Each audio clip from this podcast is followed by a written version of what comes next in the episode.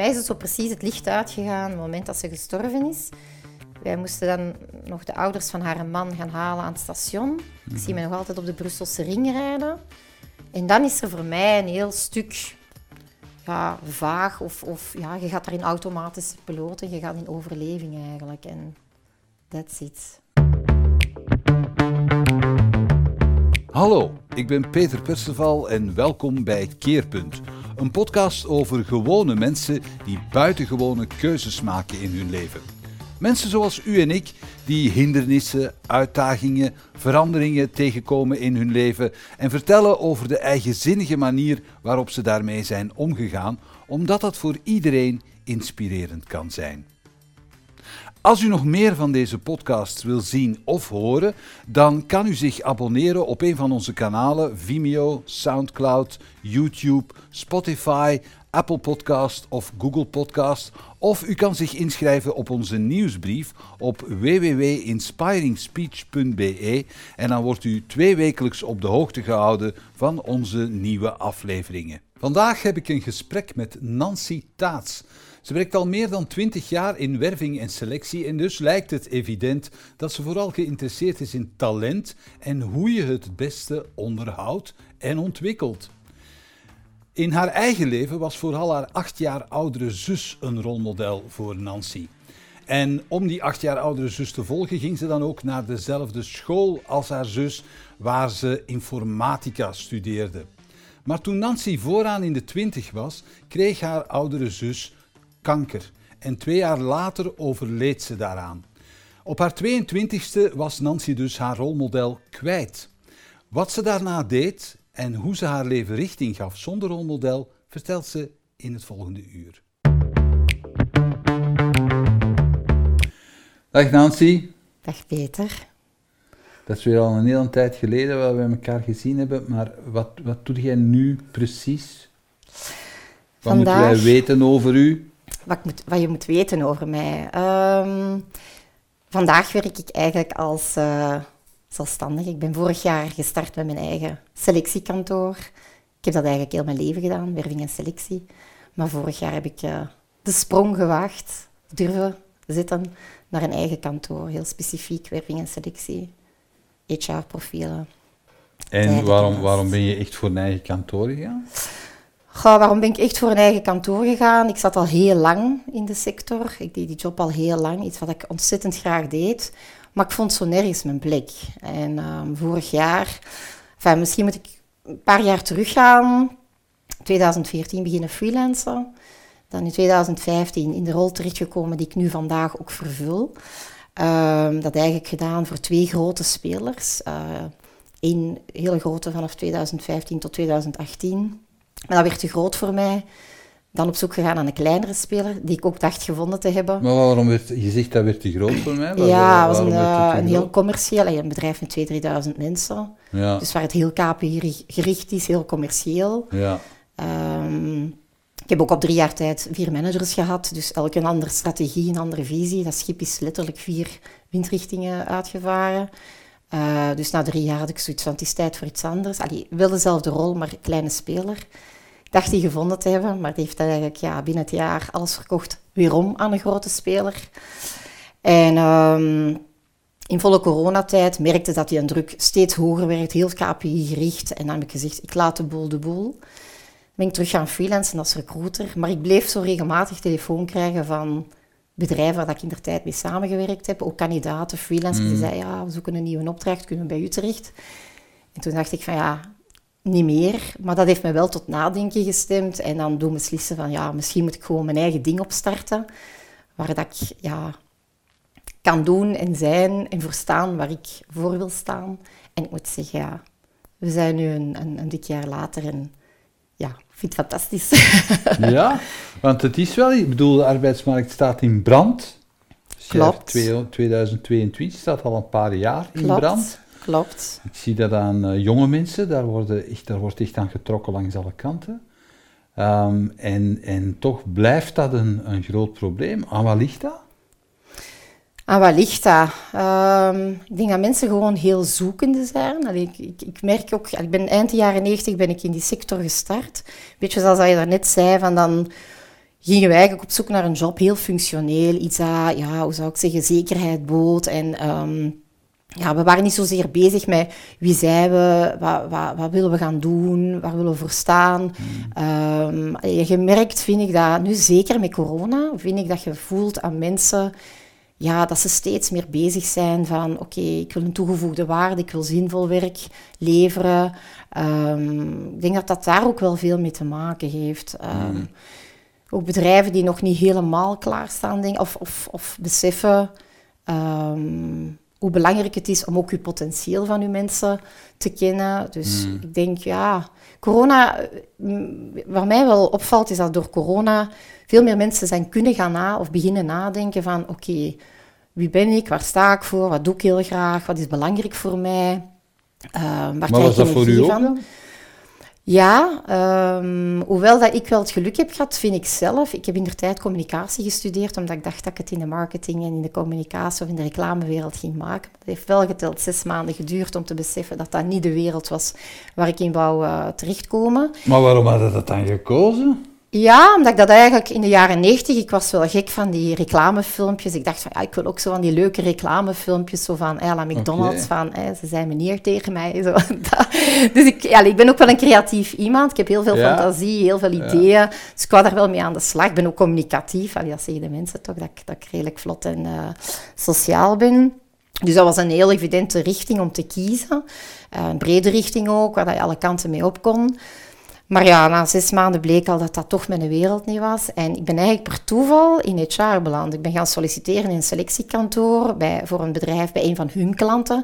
Maar op het eind van het gesprek zei die dame van ja, ik ga je niet voorstellen bij mijn klant. Ik zou je graag bij mij laten starten. En toen had ik zoiets van HR, HR assistant was dat. Maar ja, ik moet zeggen... Um, ik ben die vrouw er eigenlijk tot op vandaag nog altijd heel dankbaar voor dat ze mij geïntroduceerd heeft in die wereld. Want heel snel had ik door van, ja, deze is het. Deze vind ik superleuk om met mensen te, allee, te connecteren, te, te communiceren. Ehm, dus ja... Oké, ehm, we gaan het, hè, want er is een reden waarom dat je daar terecht bent gekomen. Mhm. En dat is ook een, is ook relevant in, verba in verband met het verhaal dat je te vertellen hebt, vind ik. Hè, je, je, je, bent, uh, je, bent, je bent heel erg bezig met talenten van mensen ontdekken, exploreren, zorgen dat die op de juiste plek terechtkomen en dat die, dat die gematcht worden. Klopt. Dus um, dat heeft ook heel veel te maken met jouw eigen verhaal eigenlijk. Ja. Um, ja. We gaan eens kijken met 15, 16 jaar. Wat was Nancy voor iemand? Um, wat was Nancy voor iemand? Eigenlijk best wel iemand, op zich niet zoveel verschillend als de Nancy van vandaag. Ik weet zeker, hmm. als je mensen zou spreken die mij toen al kenden, dan gaan die zeggen, eigenlijk zeg je altijd dezelfde gebleven. Ik was iemand die heel positief in het leven stond. Heel nieuwsgierig. Dat is iets dat mijn mama altijd zei. Van, allee, niet dat ik altijd alles moest weten, maar ik was altijd heel benieuwd zo naar ja, wat doen mensen, waar zijn ze mee bezig. Ehm, ja, ik was iemand die, die, die ook wel graag op avontuur, allee, zo dingen ontdekken, vond ik wel um, heel leuk. Um, ja, heel levenslustig.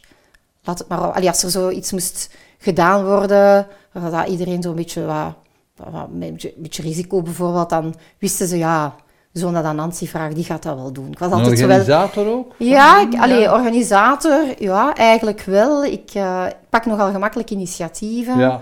Uh, ik ben zo nogal actiegericht. Ik, ik hou er niet van, zo van, oh, ik uh, ben ook wel iemand die, die gemakkelijk kan beslissen. Ja. En zo geen wikker en een weger. Okay. dat is nu misschien wel wat anders, maar dat heeft ook te maken met de fase in je leven dat je nu vandaag in zit. Ja. Dus 15, 16, ja, ik had geen uitgesproken hobby's of zo. Ik ging niet zo graag naar school, dat weet ik nog. Wat deed je dan? Ja, ik deed informatica, maar dat, was eigenlijk, dat is eigenlijk heel stom gegaan. ja, mijn ouders hebben mij gewoon in de school gestoken van mijn zus die negen jaar ouder was. En dat was zo, ah, dat is een goede school we gaan er daar zitten. Maar als je gaat kijken naar de vakken die je daar, of tenminste de richtingen die je daar kon volgen, informatica, iedereen die mij kent, die weet dat ik, ik ken informatica, dat gaat niet goed samen, maar bon, het is wat het is. Je staat er toen, dat was in de jaren 90, je staat daar ook totaal niet, eind jaren 80, je staat er ook totaal niet bij stil. Dus, um, maar ik moet wel zeggen... En voor jouw zus werkte dat wel? Die was daar wel mee. Ja, maar die, is negen, die was negen jaar ouder dan mij. Dus dat was ook een heel andere, ja, nog een heel andere school. Plus, zij is uiteindelijk ook iets heel boekhoudkundig gaan doen. En zij kon, want je kon op die school boekhouden moderne talen mm. of, of informatica. Nu, geen een van de drie past bij mij. Dus, ehm, maar ja, ik zat daar. Ja, en ik zeg het, in die tijd stonden daar ook niet zo bij stil zoals vandaag. Is dat een heel ander gegeven. Maar op, ehm, op schoolvlak nog altijd niet, hè? Als je dan nu, ik bedoel, als ik zo hoor, de, de crisissen die er zijn op scholen met, met, met, leerlingen, dat is nog altijd omdat dat schoolsysteem in een soort karkan zit, waardoor dat ze eigenlijk geen oog hebben voor wat, wat, zijn, wat zijn we hier voor mensen aan het maken? Ja, dat, dat, is, dat klopt helemaal, want dat, daar ben ik het helemaal mee eens. Dat is vaak bedroevend. Maar anderzijds zijn ze als ouder wel meer ermee mm. begaan. Van oké, mm. welk talent heeft mijn kind? Waar haalt hij energie? Waar wordt hij enthousiast van? Dus daar gaat het toch wel al iets meer in overleg Ja, maar jij bent natuurlijk in een, in een bevoorrechte positie, omdat je daar effectief zicht op hebt en effectief mee bezig bent. Ja. Ik denk dat een doorsnee ouder ja. Zeker de manier waarop scholen tegenwoordig gekozen worden. Bijvoorbeeld hier in Antwerpen met een lottrekkingssysteem. Ja, dat klopt. Dat, dat, eh, klopt, dat klopt. Maar in principe, voordat je je kind daar dan inschrijft, ja, heb je toch wel eens nagedacht. Of toch, ja, gaat ook op een deur daar. Allee, je hebt nu op een, dat was toen eigenlijk helemaal mm. niet. Je was zo van, ja, ga maar naar daar en kies dan een vak. En ja, ik zeg het. Okay. Uh, maar allee, op zich was dat geen slechte Maar je hebt dat afgemaakt? Ja, ja, ja, zeker. Tegen zeker. Goh, achteraf bekeken eigenlijk wel. Ik heb dat toen op dat moment niet echt beseft, denk ik. Maar als ik daar nu over nadenk, achteraf denk ik van ja, ik had wel een ander parcours kunnen of willen afleggen. Dus, uh, toch? ja. Oké, Nancy, als je, als je dan uh, uit die school uitkomt, wat, wat is dan je idee van het leven? Ik ga, wat, ga je, wat wil je gaan doen dan? Ik bedoel, de, het humaniora of na, op, op, mijn 18 dan ondertussen. Ja. Um, ja, zoals ik zei, van, ik ben dan bewust wel gekozen, heb ik bewust gekozen voor een, een, eh, een richting in communicatie, omdat dat redelijk breed ging. En omdat ik echt wel ervan overtuigd was dat ik, dat ik zo in die, in die, communica in die ja, reclame, marketing, dat ik het daar wel ging maken. Maar ja, ik was mij toen niet bewust hoe een concurrentiële wereld dat dat toen was. Hè. Dat was echt bikkelhard. Mm. Dus... Um, Nee, nee. Um, ik kom ook uit een zelfstandig milieu. Ik ben letterlijk de, de dochter van de, de, de, melkboer. En dat was eigenlijk ook iets waarvan mijn ouders zoiets hadden van, dat is absoluut no way. Dat, was ook fysiek veel te zwaar. Um, dus dat was ook geen piste, want soms is het zo wel dat je in de voet, allee, voetsporen van kunt treden, maar ja, dat was, dat was zeker geen... Uh... De zuivelaandel was niet voor jou? Nee, nee, nee, Hoewel ik moet zeggen dat ik al vaak gezegd heb achteraf van Misschien dat ik dat toch wel heel. Want ik moest vaak mee, ook als, als kind. En allee, ook heel mijn, mijn jeugd eigenlijk, zolang dat ik thuis woonde. Ik hielp in de zaak, ook in het weekend, in de, in de vakanties. Ja, moest ik elke keer mee de baan op met mijn ouders. Maar dat was en ook de periode dat de melkboer rondging met, uh, ja, met het camionnetje. Ja, en de, ja, als je vandaag de dag vertelt aan mensen die kijken naar u, alsof dat je... Ja, klopt. Alsof dat je een ijskast zijn waar een koei naar zit te staan. Ja, ja nee, dat, is, dat, is, dat klopt. Dat is hallucinant. Ja als je daar nu over nadenkt, mijn, mijn ouders zitten letterlijk, dus de mensen gingen een briefje aan hun voordeur, ja. zetten dat letterlijk aan de deur met het geld er al bij. Hoe zot is dat? Dat zou in deze tijd gewoon niet meer kunnen. Ja. Maar anderzijds vond ik dat concept wel heel, heel fijn om te doen. Zo, ook bij die mensen thuis, tot in de frigo, die flesjes melk, die eitjes erin zetten, die, die, die yoghurtjes. Ah, ik vond dat geweldig. Ik deed dat eigenlijk zelfs heel graag. Dat was fysiek hard werken. Maar ik vond dat wel leuk. Ook zo de mensen bedienen, dat zorgende. Waar deed uw papa dat dan? Brussel. In Brussel? Ja. Oké. Ja. Uh, ja. Allee, Watermalbos voor de Oudergem, Woluwe. Ja. Ja. Zieke ja. buurt. Ja. Ja. ja. Veel schone schijn, eerlijk gezegd, Peter. Ja, echt? Ja? Ja. En sommige allee, echte villa's dat je binnenkwam, dat de frigo's leeg waren. En dan kwam de anderzijds bij een oud vrouw in een klein appartement en die frigo puilde dan uit. Dat je zo denkt van ja, mm. mm. maar het is wel waar, het is wel een mooie buurt, dat klopt ook. Ik kan het me voorstellen. Ja.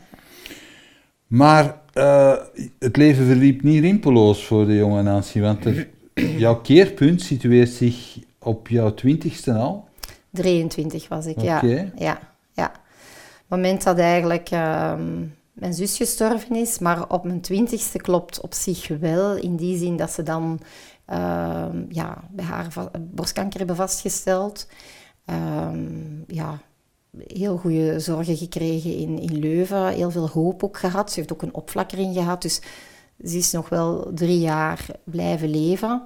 Um, ze was 32 toen ze stierf? Ja, klopt helemaal. Ja, klopt. Dus ja. En dan moet ik zeggen, zeker als 23-jarige, dat hakt erin. Was dat ook omdat het, omdat het borstkanker was? Het is ontstaan bij borstkanker en het is inderdaad volledig uitgezaaid. Dus hebben dat zo, door het feit dat ze jong was, is dat redelijk snel gegaan. Dus hebben ze het niet op tijd. Ze hebben het wel, ze heeft altijd wel goed gereageerd op de medicatie, de chemo en dergelijke meer. Maar op zich, um, ja, zeiden ze ook omdat ze zo jong was, ontwikkelde zich dat zo snel dat ze het eigenlijk niet konden, um, ja, niet op tijd, hoe zou ik zeggen, volledig wegnemen. Hè. Dus, maar ik bedoel, de impact die ah. het had op jou, was dat ook omdat het borstkanker was? Of omdat je, Goh, dat, dat, um, dat, komt wel heel dichtbij fysiek als Klopt, ja, ja, zeker, absoluut. Dat is wel een interessante vraag die je stelt, vind ik. Want ik stel zo heb ik er... Ja, dat is waar. dat is juist. Um, dat denk ik op dat moment niet. Ik denk dat hmm. dat op dat moment... Um, ook heel veel mensen die zeggen van ja... Want wij wisten het dan op een bepaald moment dat ze terminaal was. Zij heeft dat eigenlijk nooit echt geweten. En dat vaak mensen zeggen, ja, dat is toch wel fijn dat je dat op voorhand weet. En daar ben ik nog niet helemaal uit. Hebben ze dat ehm, bewust niet tegen haar gezegd? Ja, ja. Op een bepaald moment heeft ze palliatieve zorg gekregen. Dus ja, dan wist ze wel dat het, uh, ja, dat op zijn einde ging lopen. Uh, ik was er trouwens ook bij als ze gestorven is. Dus dat is eigenlijk wel redelijk, ja, hoe zou ik zeggen, intens allemaal verlopen. Ehm, maar om nu te zeggen, het feit dat je het weet, is voor mij, ja, je kunt afscheid nemen, dat klopt wel. Maar om nu te zeggen dat dat verdriet dan minder of die pijn minder is, dat weet ik. Ik kan het natuurlijk niet vergelijken, dat is een mm. moeilijke. Ehm, en dat is misschien ook niet helemaal correct om dat, om dat te doen. Maar effectief op je 23 dan daarmee geconfronteerd worden. En wat ik heel opmerk, achteraf, wat heel treffend is, Peter, is dat, dat je zit er dan in een leeftijd waar dat je daar eigenlijk met niemand over kunt praten. Sterker nog, achteraf hebben vrienden dat ook bevestigd van dat zij het heel moeilijk hadden om daar ook zelf over te praten, naar mij toe. In het begin is dat allemaal niet moeilijk. Dan heeft iedereen, begrijpt iedereen dat verdriet. Maar als ik er na zes of twaalf maanden nog altijd niet over was, ja, dat gevoelde dat, dat vrienden er eigenlijk liever niet meer naar vroegen of, of niet meer afspraken, omdat ze niet wisten hoe dat ze ermee om moesten gaan. Over de, over de dood. Ja, klopt. Dat is eigenlijk iets dat je zegt van ja, mhm. dat is nu nog altijd een beetje taboe. Hè? Altijd. Vroeger was dat anders. Allee, vroeger werden daar ook mee geconfronteerd. Je woonde vaak samen met je ouders, je grootouders, de, beesten op de boerderij. Allee, dat is tenminste iets...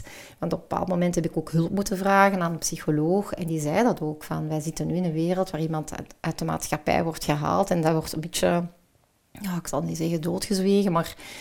Ja, Letterlijk wel. Ja. ja, eigenlijk wel. want je zegt, ja. mijn zus kreeg palliatieve zorg. Ze ja. werd zelfs tegen haar niet gezegd dat ze terminaal was. Waarom was dat?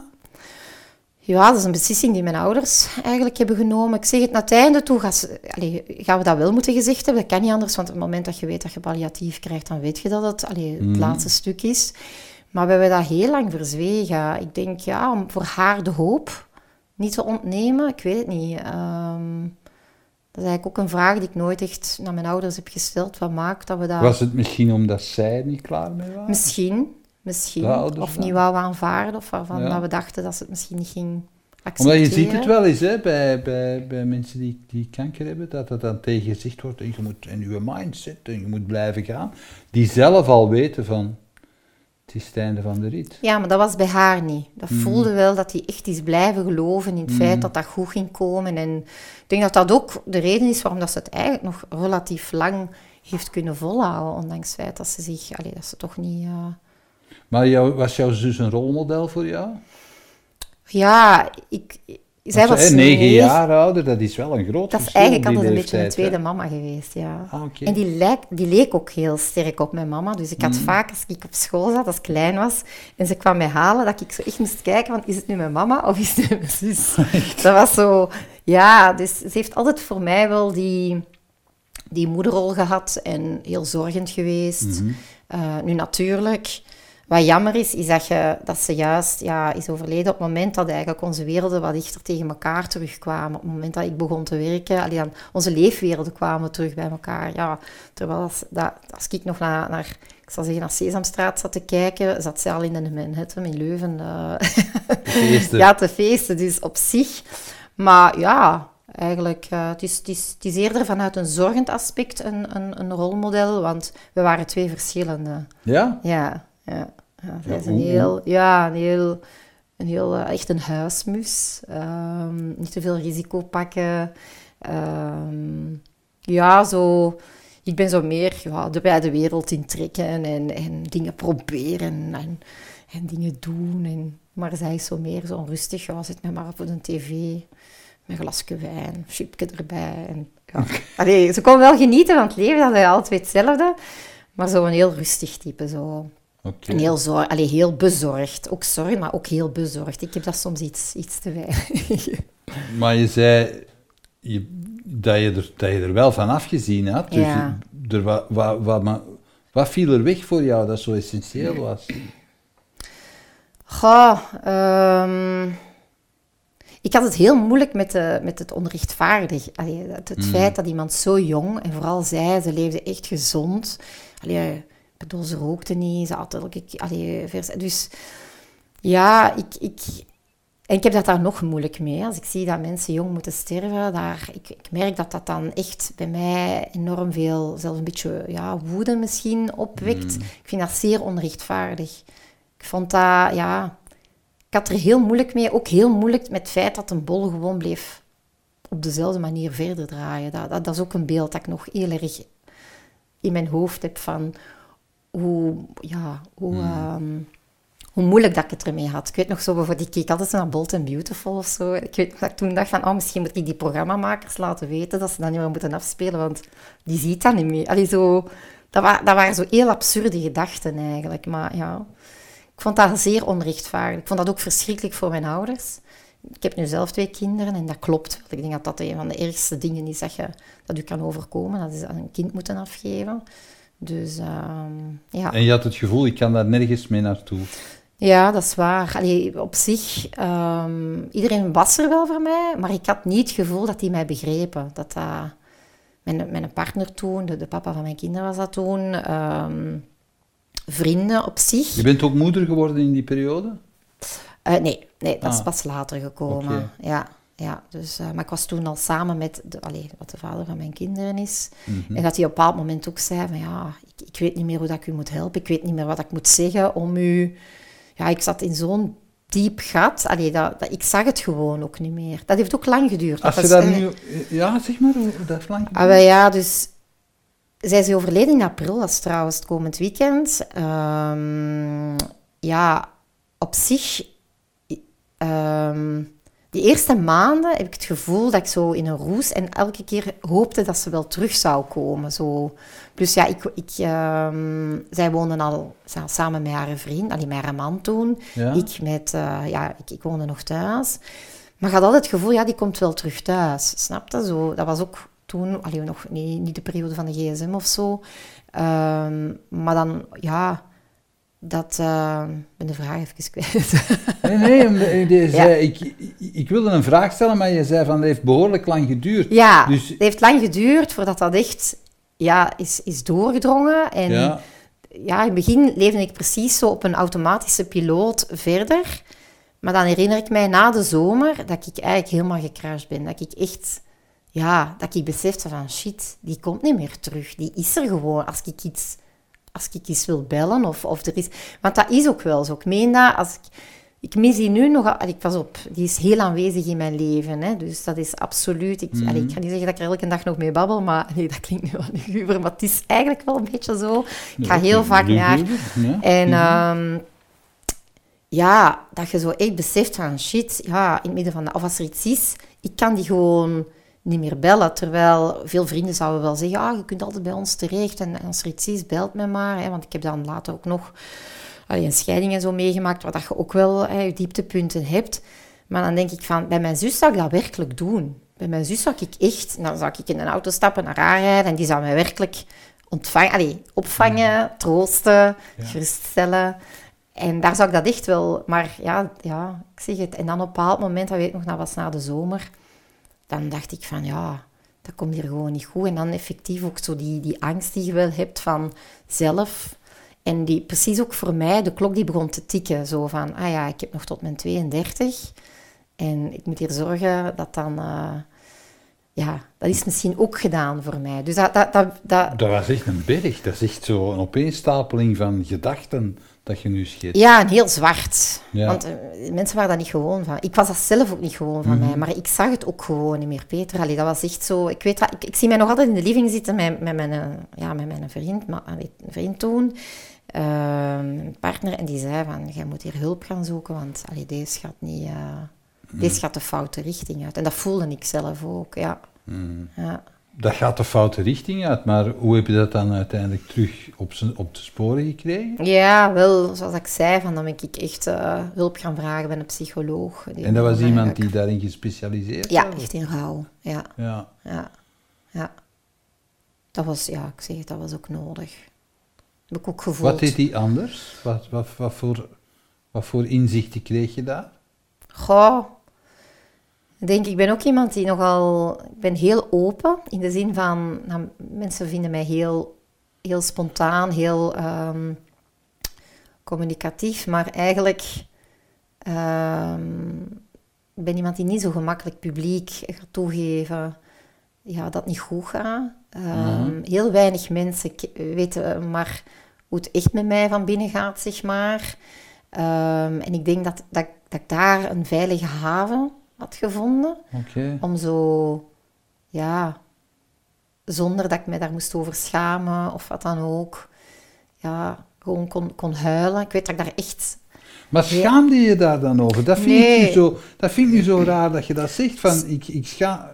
Ga, zonder dat ik mij niet, moest schamen. Maar ja, ik ben iemand die zo nogal naar de buitenwereld gemakkelijk zo een façade voor hield. En ja, ik... ik ehm, denk dat ik daar iemand had gevonden die, waar dat ik daar, ja, daar alles eruit kon. Want uiteindelijk zijn er ook drie jaar aan vooraf gegaan dat je die ziet. Ik weet bijvoorbeeld, Peter, ik weet nog heel goed dat na de eerste chemo's dat mijn zus haar haar verloor. En mhm. ehm, dan kwam ze bij mij op, op de kamer en dan zei ze, ja, je moet, je moet mijn haar, je moet, dat, dat moet weg. Hè. Dus ik zie me nog altijd ook in die, in die badkamer staan om, om haar haar te borstelen en af te nemen. En dat zijn zo zaken dat je zegt van ja, dat, dat, zijn beelden die ik nog altijd heel, heel helder kan, kan voorbrengen en die heel moeilijk zijn en die je ook opkropt, omdat ja, je kunt dat niet echt mee, je wilt dat ook niet echt met je ouders delen, want je hebt zoiets van die hebben hun eigen verdriet. Voor de rest had ik geen broers of zussen en dan ja, in je vriendenkring, ja, mensen begrijpen dat eigenlijk. Je wilt hun daar ook niet mee lastigvallen. Je hebt zoiets van, ja, we zijn eigenlijk bijna jaren verder en ik ben er nog niet over. Ik kan toch niet blijven zagen en klagen. Zegden ze dat ook letterlijk? Nee, nee, absoluut maar niet. want dat vind ik nu zo eh, fascinerend aan de manier waarop dat je dat vertelt. Dat je zegt van, je vult dat allemaal in, die gedachten, vult jij allemaal zelf in. Dat klopt. En ondertussen wordt die een berg zwart, maar groter en groter. Ja, ja, ja, ja. Ja, dat, nee, nee, nee. iedereen was er voor mij. Maar ik kreeg dat, dat, dat, was een blokkade op een Je vond de woorden niet? Ik vond de woorden niet. Ik, was geblokkeerd. En bij die persoon, ja, die stelde de juiste vragen of, of, of net niet. Maar je voelde van, oké, en, en hij probeerde dat ook... Allee, nee, hij probeerde niet. Hij, hij, hij legde ook uit dat dat gevoel waarmee dat ik zat, dat dat heel normaal was. Dat dat absoluut niet Terwijl ik dat ook wel dacht van, ja, misschien is dat toch abnormaal, een jaar verder, je moet je daar toch kunnen overzetten. Terwijl ik nu zoiets heb van, rouwen, dat, dat is voor iedereen anders. Dat kun je niet zeggen van, oké, je moet daar zo lang, hetzelfde met een scheiding, ja, hoe lang heb je daarvoor nodig om je daarover te zetten? Dat is zo persoonlijk, hmm. dat je daar eigenlijk geen, uh, nee. Welke impact, als je dan door die therapie was gegaan, welke impact had dat dan op u? Wel, hoe, hoe heeft u die gebeurtenis voelen nazinderen daarna? Um, ja, eigenlijk op een positief... dan heb ik echt een, een, een keerpunt of een, een kantelmoment gekend van... Oké, ook zo de gedachte van... Als zij mij zou kunnen... Allee, ze zal mij zien, denk ik altijd wel. En me zou kunnen toespreken. Wat zou ze dan zeggen? Dan weet ik zeker dat hij zou zeggen... Kom aan, hè. hup, uit dat kot. en, en, en, leeft, geniet, doe je ding... Uh, wees jezelf. Allee, ga, ben je zonder die stem iemand die heel erg twijfelt dan? Nee, nee, nee, eigenlijk niet. Maar ik had daar, nee, nee, dat is ook niet. Dat is ook niet, maar ik heb toen een flinke deuk gekregen. Je, je wordt gewoon, ja, door die gebeurtenis worden niet alleen op met je twee voeten op de grond gezet, maar je wordt er los ingeduwd. Hè. Allee, dat is echt wel even, uh, ja, ja. Nee. Je, bent, uh, je zat toen in je job in de marketing? Dat nee, nee, ik zat toen, uh, eens even nadenken. Ja, dat was het begin van mijn HR. Ah, dus dat was, ik zat toen in dat selectiekantoor die mij toen had gezegd van, we gaan u niet voorstellen bij de klant. Dus dat was mijn eerste job eigenlijk. Maar zijn er zo daarna in uw leven beslissingen geweest waarvan je zegt van, kijk, dat zou ik anders gedaan hebben als ik niet die communicatie met mijn zus zou hebben? Of die, die, die gedachte van wat zou mijn zus tegen mij gezegd hebben? Um, dat is een goede vraag. Ik denk dat zij mij, allee, of, of dat die gedachte mij wel helpt om eerder naar het ja te gaan dan naar het nee. Dan, als ik twijfel om het toch, dingen toch te gaan doen, dan niet te gaan doen. Hmm. En ze sterkt mij wel. Allee, ik zeg het, um, ja, de naam van mijn bedrijf, hè, Big C, dat komt er eigenlijk ook van. Dat is een grote kosmos. Waarom? Ik ben toen gestopt met ja, God de Vader, katholieke kerk. Allee, niet dat wij zo katholiek waren, maar ik had zoiets van... Allee, van mij is dat allemaal hè, niet meer aan de orde. Maar ik geloof wel in een groter geheel. In die ja, ja, ja, ja. ja, dat was wel met, allee, de, de wens van mijn ouders ook. En had dat een... een uh een positieve impact op je, die begrafenis? Goh, eerlijk dat is wel een ritueel. dat is waar, maar ik, ik herinner me eigenlijk van die dag niet veel meer. Hmm. Ik weet dat ik daar redelijk gevoelloos ben door. Allee, voor mij was dat... Dat is, een, dat is nu echt een dag dat mij... Dat compleet uit mijn geheugen gegrift is. Je was eigenlijk in shock. Ja, ik denk dat wel. Waarschijnlijk wel. Ja, achteraf bekeken. Ja. Want dat is zo'n moment bij mij is het zo precies het licht uitgegaan het moment dat ze gestorven is. Wij moesten dan nog de ouders van haar man gaan halen aan het station. Ik zie mhm. me nog altijd op de Brusselse ring rijden. En dan is er voor mij een heel stuk ja, vaag. Of, of ja, je gaat daar in automatische piloten, je gaat in overleving eigenlijk. En that's it. Mm ja. Maar dus, God de Vader heb je dan ja, vaarwel gezegd. Klopt, ja, wel. Maar ik geloof wel, allee, ik ben dan wel heel sterk beginnen geloven van alles in het leven is voor een reden. Peter, allee, en dat is de, de grote kosmos. Dus daar staat de Big C, de grote kosmos, zo gezegd voor. Van, mijn kinderen zijn daar ook mee, allee, die, die kennen dat al. Van, je moet erop vertrouwen dat alles in het leven gebeurt om een reden. En het, komt wel goed. Ehm, ja.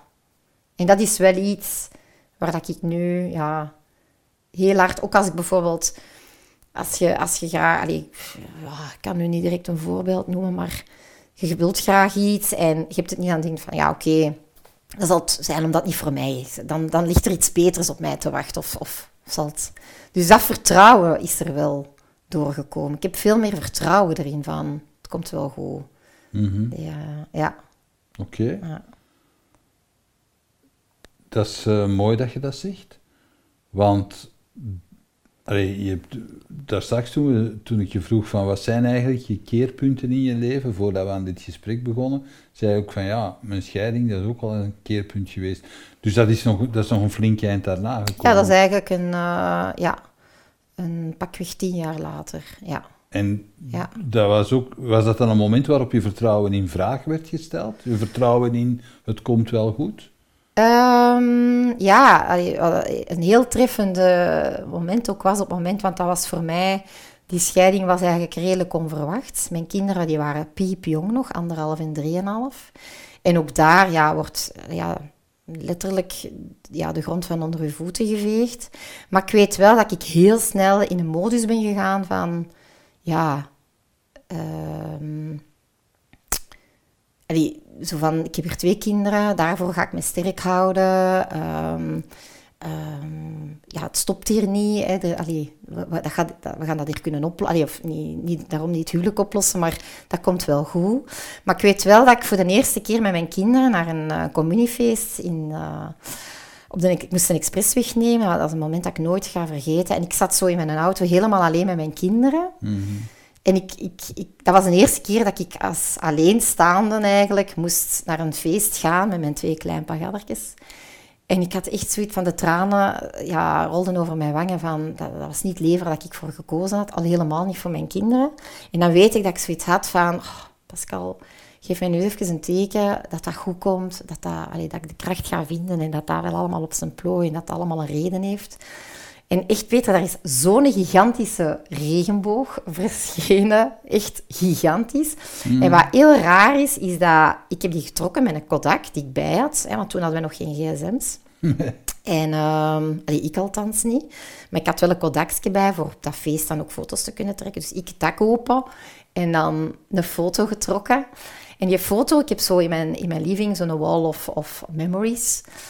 En dat is een foto, die hangt daar al ja, in mijn huis al, al 20 jaar. En die is 0,0 verkleurd. Ik heb dat altijd heel bijzonder gevonden. Van, ja, de rest van de kadertjes moeten soms eens vervangen, want ja, die verkleuren dan. En dat is een foto, die blijft gewoon, dat ik zo denk van, ah wel, dat is zoiets. En daar weet ik dat dat een moment was van, oké, dat gaat hier wel goed komen. Toeseer. En je moet dat ook tijd geven om dat te verwerken. Maar ja, het komt wel goed. Ja. Wat een bijzonder verhaal. ja. ja. Ja. Maar de scheiding op zich, de impact daarvan op jou, wat, wat was dat dan? Ja, op zich. Um, Want het is eigenlijk. Allee, de, dat is een rouwproces op een andere manier. Klopt, helemaal. Dat is ook zo. Ja. En ik vind dat dat vaak wat onderschat wordt. Van, want je, klein, je hebt nog kleinkinderen, je moet die grootbrengen, je wilt daar zijn voor hun. Maar emotioneel zitten ze soms nog niet helemaal in, in je kracht. Hmm. Ehm, maar ik weet wel dat ik ja, onmiddellijk heb gedacht van we gaan hier alles doen in het belang van de kinderen. Ja. Uh, ik wou ook geen vechtscheiding of zo, ondanks het feit dat mijn keuze niet was. Maar ik had zoiets van nee, dat wil ik niet. Voor mij blijft mijn prior. Ik wil mijn kinderen alles geven een goede basis voor een goed en gelukkig leven. En ze worden nu 20 en 22 en dat is ook gebeurd. Dus ik vind dat we dat eigenlijk als moeder en vader heel goed hebben gedaan. Als man en vrouw jammer genoeg niet. Allee, nu achteraf zeggen de kinderen ook van jullie hadden nooit samen kunnen blijven, wat ook wel waar is, denk ik. Maar allee, dat doet er ook helemaal niet meer toe. Uh, maar ik ben wel trots om te zien dat, ondanks het feit dat, ja, dat ze zo jong waren en ook niet vanzelfsprekend, dat we er toch zijn in geslaagd om... Uh, om dat als moeder en vader toch wel heel goed te doen. Dus. En dat is ook wel iets dat mij onmiddellijk... Dat ik dacht van, nee, ik wil, ik wil dat goed doen. Ik wil geen ruzie. Ik wil geen... Ik wil ook niet mijn kinderen met een trauma of, of in een... Ja, zoals ik zeg, in een vechtscheiding uh, brengen. Dus dat heeft me wel heel hard geholpen. Daar ben ik zeker van. Ja. Het was eerder van, oké, er is toch niks aan te doen, dus nu gaan we er Ja, maar ook, ik denk ook door het feit dat, dat ik mijn zus heb moeten afgeven, dat ik denk van, er zijn ergere dingen. Ik heb dat kunnen overleven, dus dit zal ook wel lukken. Is dat ook je basisattitude in het ondernemerschap dan? Ja, misschien, allez, op zich.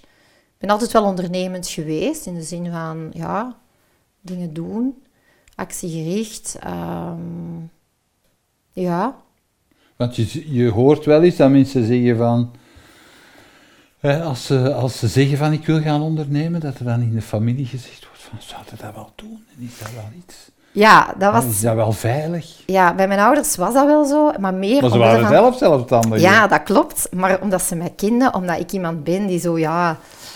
Ik, ik geef nogal gemakkelijk dingen weg. Um, ja, alleen zo...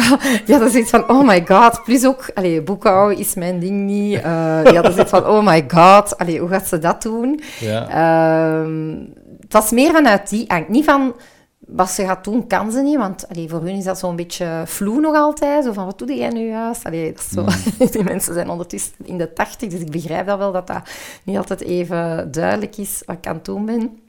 Maar zo meer zo de angst van, oh, allee, ga jij zo... Ja, ga jij met die, met die centen en dat, dat zakelijke aspect. Mm. Ehm, ja, want ik, allee, ik heb heel veel ideeën en concepten, maar ja, het moet natuurlijk ook wel opbrengen. En, maar allee, je moet wel zorgen dat kostenbaten dat het uh, in evenwicht is. Maar daar heb ik dan wel de juiste mensen voor gezocht die mij daar kunnen. Hoe heb je die gevonden? Ja, om te beginnen met een vriend, mijn, uh, mijn huidige vriend, die zelf ondernemend is. Dus ja, op zich is dat een goede coach voor mij. En dan anderzijds zo een soort van businesscoach via via, die mijn pad is gekruist. Een man die zo heel nuchter is, die zo echt het heel zakelijk gaat bekijken, dus dat is goed. Mm. En nu, sinds uh, eind vorig jaar, heb ik iemand die mij ook... Uh, helpt in uh, alles wat met administratie en boekhouding te maken heeft, wat allemaal niet met een meug is, zodanig dat ik echt vandaag met mijn core business kan bezig zijn en met datgene wat ik graag en goed doe, denk ik toch. Zeggen ze toch. Oké, okay, dus, uh, ja. Doen wat je graag en goed doet, dat is natuurlijk ook uw business. Hè? Absoluut, dus, ja. Allee, dat is nu een laatste aspect.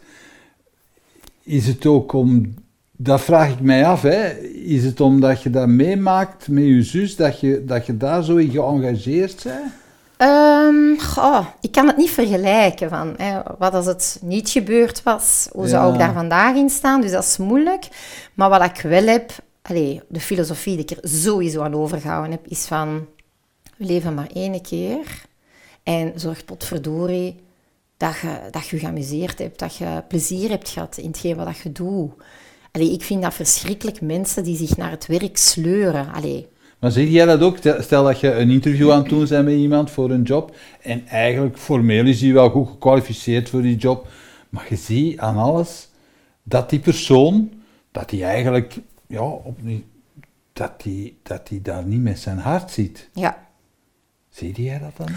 Ja, ik zou dat wel. Ik, en ik kan dat al zeker zeggen, want het feit dat ze bij mij zitten is omdat ze er weg willen. Dus dat komt goed uit. dat komt goed uit. Maar bij sommigen, ja, dat je ook moet zeggen van wacht even, gevoeld ja. dat je eigenlijk al te ver bent gegaan of te diep zit. Ja, als je met die attitude, of met die uitstraling, want dat is een energie die je uitstraalt, dan wordt het dan lastig om dan een potentiële werkgever of een, een, toekomstige werkgever ja, dat enthousiasme te tonen. Dus ik maak hun daar wel op attent van. Ja, wees, zet je daarvan bewust. Soms zijn ze zo verbitterd dat ze dat bij mij doen, dat vind ik helemaal niet erg. Dat vind ik zelfs goed. Um, maar ik dat ze wat doen?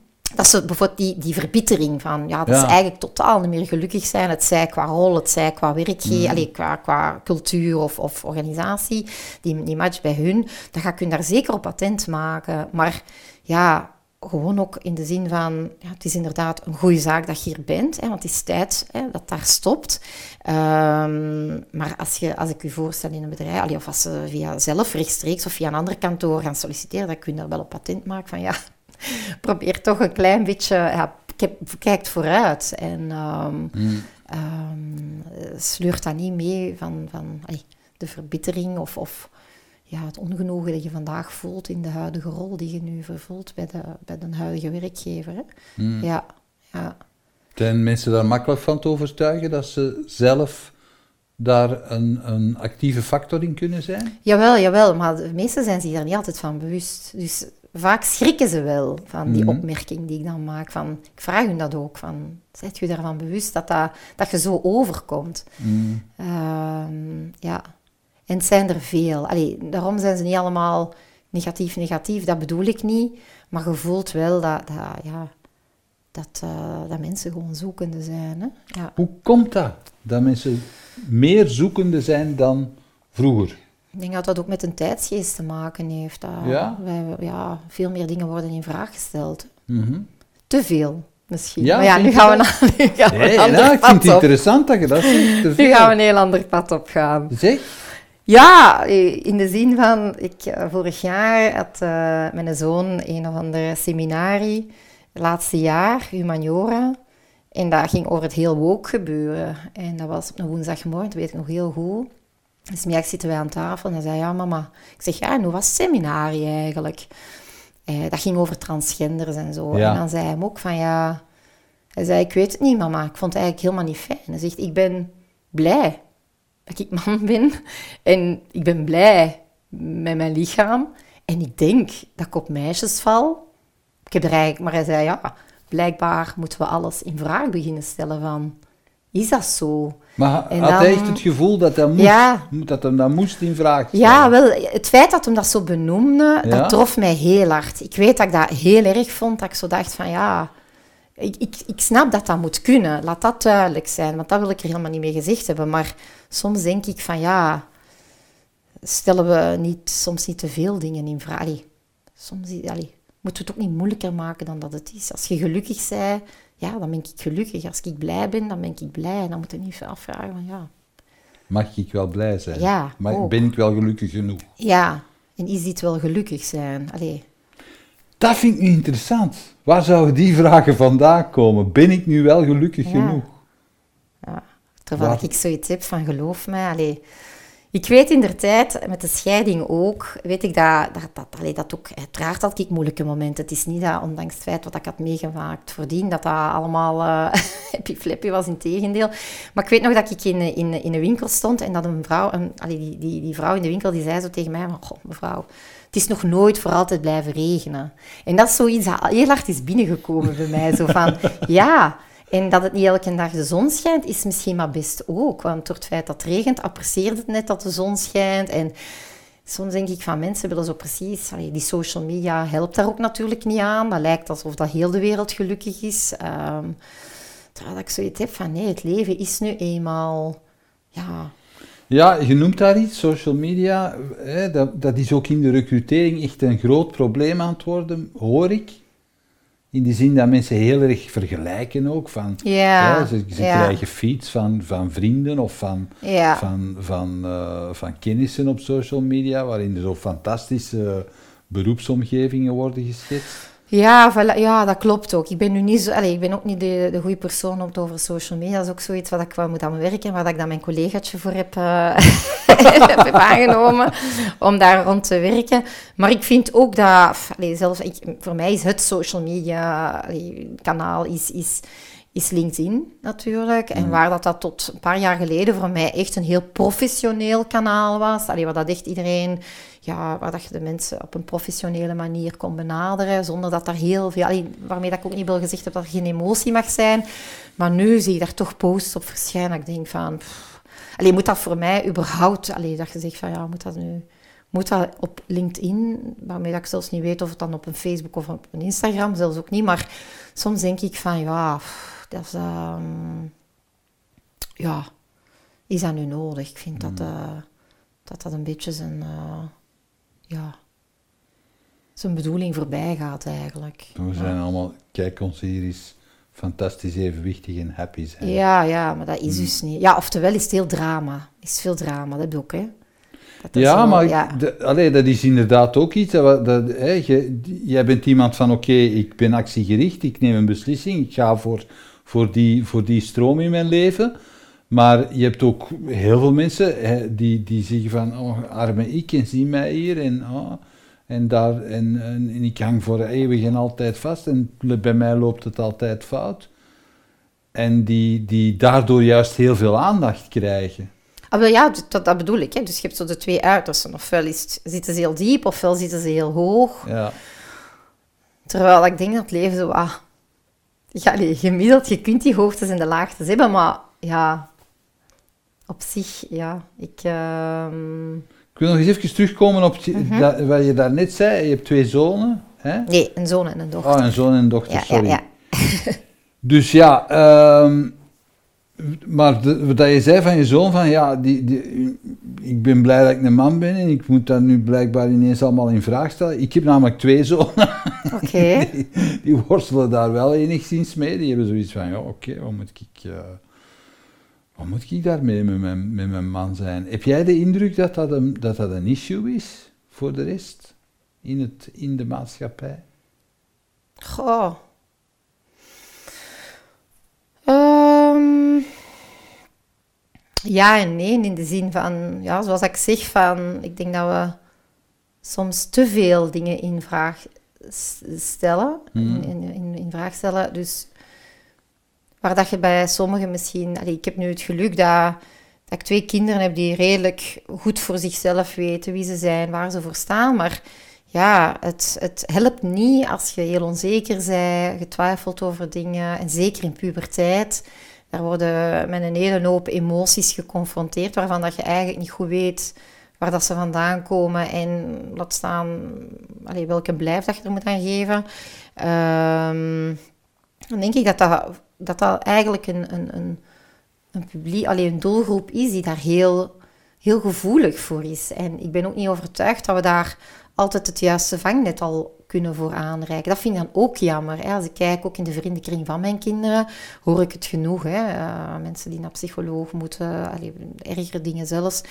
En dat je dan hoort van ja, als ze dan bellen naar een psycholoog of psychiater, dan moeten ze op een, een wachtlijst. Dus ja, ehm, het gaat er zeker niet aan, aan helpen. Absoluut niet. Dus, ehm, Maar heeft dat ook te maken met het feit dat die kinderen, of dat die, die mensen, dat die niet genoeg vertrouwen vinden ergens? Of dat die, ik bedoel, dat die, dat die geen basis hebben waar, dat ze, waar dat ze van weten van, daar, dat, dat is mijn set van, van uh, uh, ideeën waar ik als op kan terugvallen?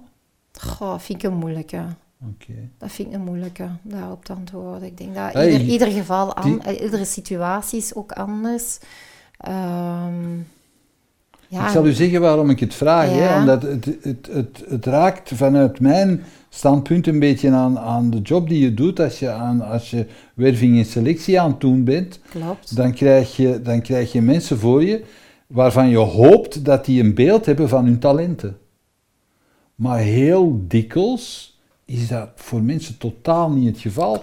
Met name omdat ze daar in de school ook totaal geen beeld van hebben gekregen. Exact. Of thuis totaal geen beeld van hebben gekregen. Exact. Dus hey, wat, kunnen, wat kunnen we doen om, om dat te veranderen?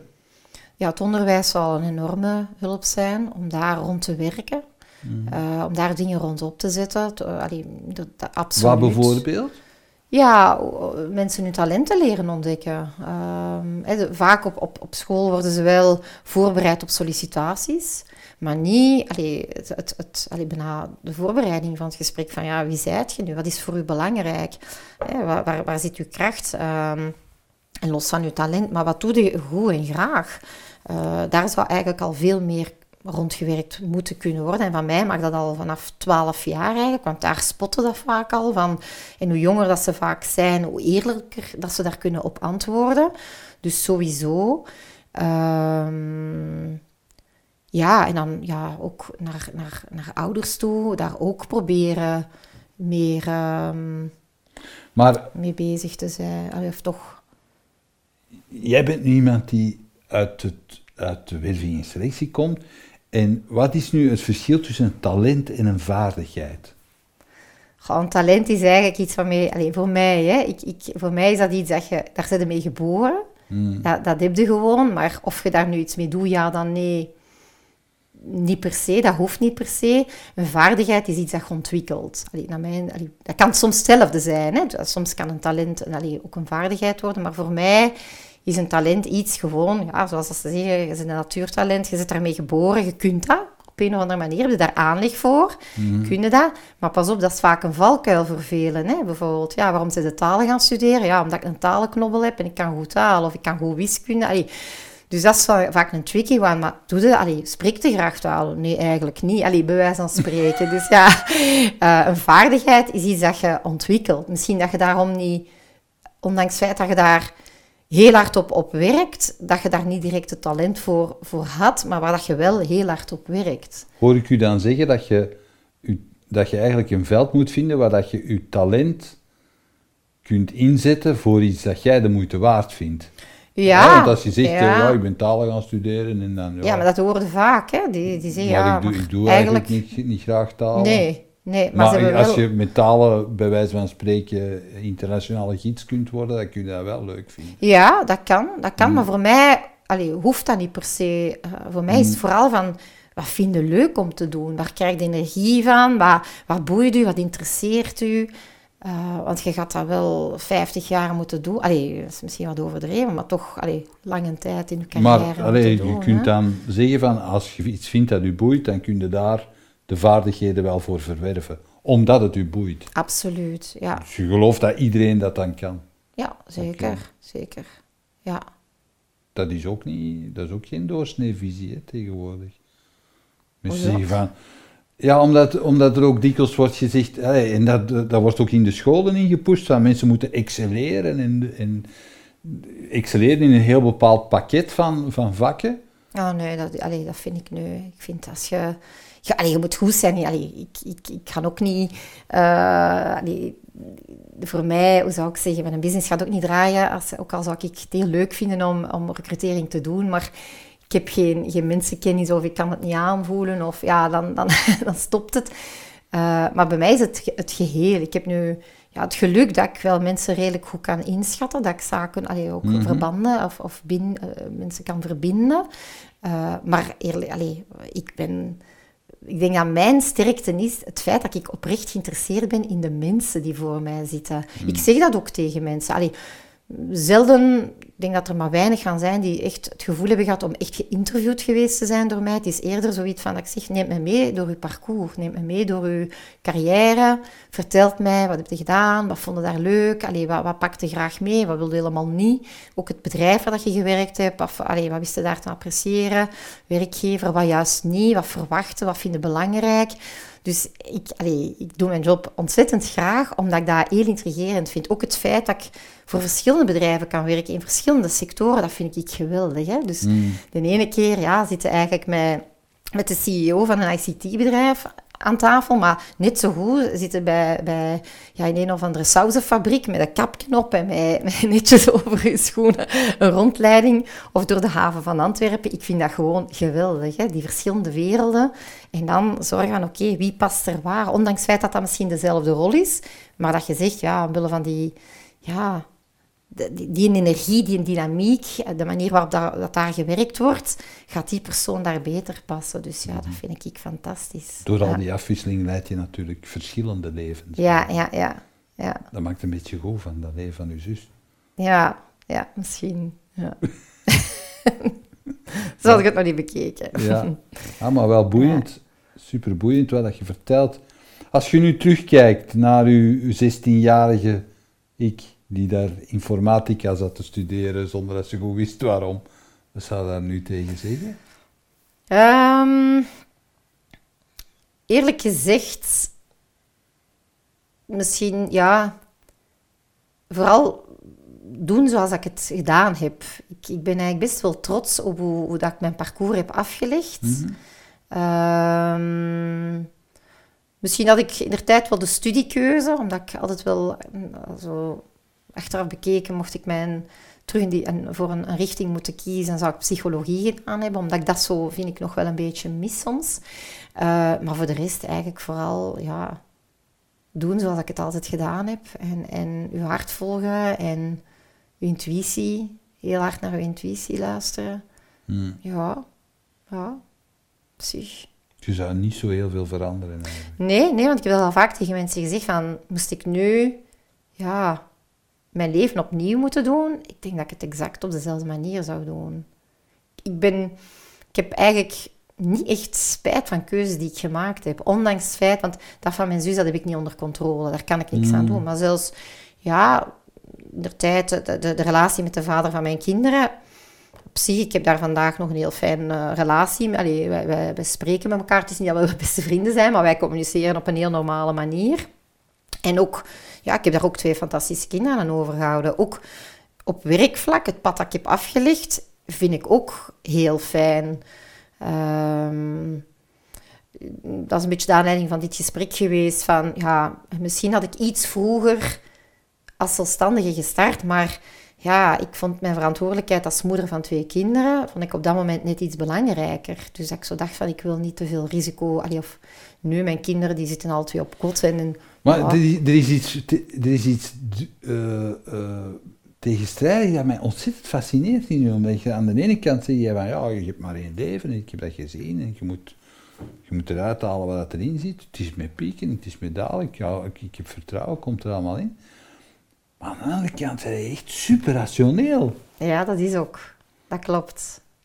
Ja, dat is waar. Ik, ik ben iemand die met haar hoofd in de wolken, maar nog altijd met haar twee voeten op de grond. Dat klopt. Dan zeg je heel groot. ja. Daarom heet uw bedrijf de Bixie. Ja, absoluut. Klopt, ja. ja. ja. Lijkt me een wijs, een wijs moment om op te besluiten eigenlijk. Dat is goed. Super. Bedankt om te komen, Nancy. Wat mag ik u in de toekomst nog wensen? Oh, nee. Ah, dat is een moeilijke vraag. Daar had ik nu niet... Uh... Nee, wat mag je mij in de toekomst wensen? Hetzelfde als, als nu. Dat ik, dat ik, uh, ja, dat ik mijn, mijn, mijn Big C-verhaal mag um, ja, in de wereld zetten zoals ik het in gedachten heb. Uh, het is al zeker op de goede weg, absoluut, maar ik moet het nog wat fine-tunen. En, en wat, daar... heb je in gedachten? Wat is uw stoute Ja, ik wil eigenlijk met een stoute droom, heel eerlijk, dan zou ik heel graag... Um, een plek creëren waar, want ik weiger om in een kantoor te zitten. Voorlopig doe ik het nog ja, via, via allee, van thuis uit of ga ik naar de pain quotidiens van deze wereld. Uh, ik mag dat noemen, want dat is een klant van mij. Maar uh, uh, zo een plek, een, een leuk barke vinden, koffiebarke vinden. Want ik, ik zie mezelf ook nog eindigen in een horeca. Uh, waar ik dan mijn kantoor heb, maar waar ik de mensen kan ontmoeten om de gesprekken met hun te hebben. Moet gezellig uh, zijn. Ja, ja, mensen een goed gevoel geven en mensen kunnen helpen bij de next step, maar op een, op een hard, warme manier, op een oprecht, authentieke manier. Um, en echt met die mensen, echt, waar dat ze nooit een tijd voor hebben of, of namen of nemen. Echt eens zien van, maar wat zit jij nu eigenlijk? Wat, wat wilde jij wat, ben je, allee, wat wil je nu doen? Waar, waar, waar word je nu blij van? Waar word je nu gelukkig van? Wat doe je graag? En waar komt dat beste tot zijn recht? En dan op zoek gaan. Ja, ja. Oké, ik help het u dromen. En uh, als die bar er is, dan... Uh, ja, dan laat ik het u weten. Hè. Dankjewel, Peter. Bedankt dat je keek naar deze aflevering van Keerpunt. Wil je op de hoogte blijven van nieuwe afleveringen en nieuwe interessante gasten? Abonneer je dan op onze nieuwsbrief via www.inspiringspeech.be. Iedere twee weken brengen wij een nieuwe aflevering online op inspiringspeech.be, YouTube, Vimeo en Soundcloud. Tot ziens.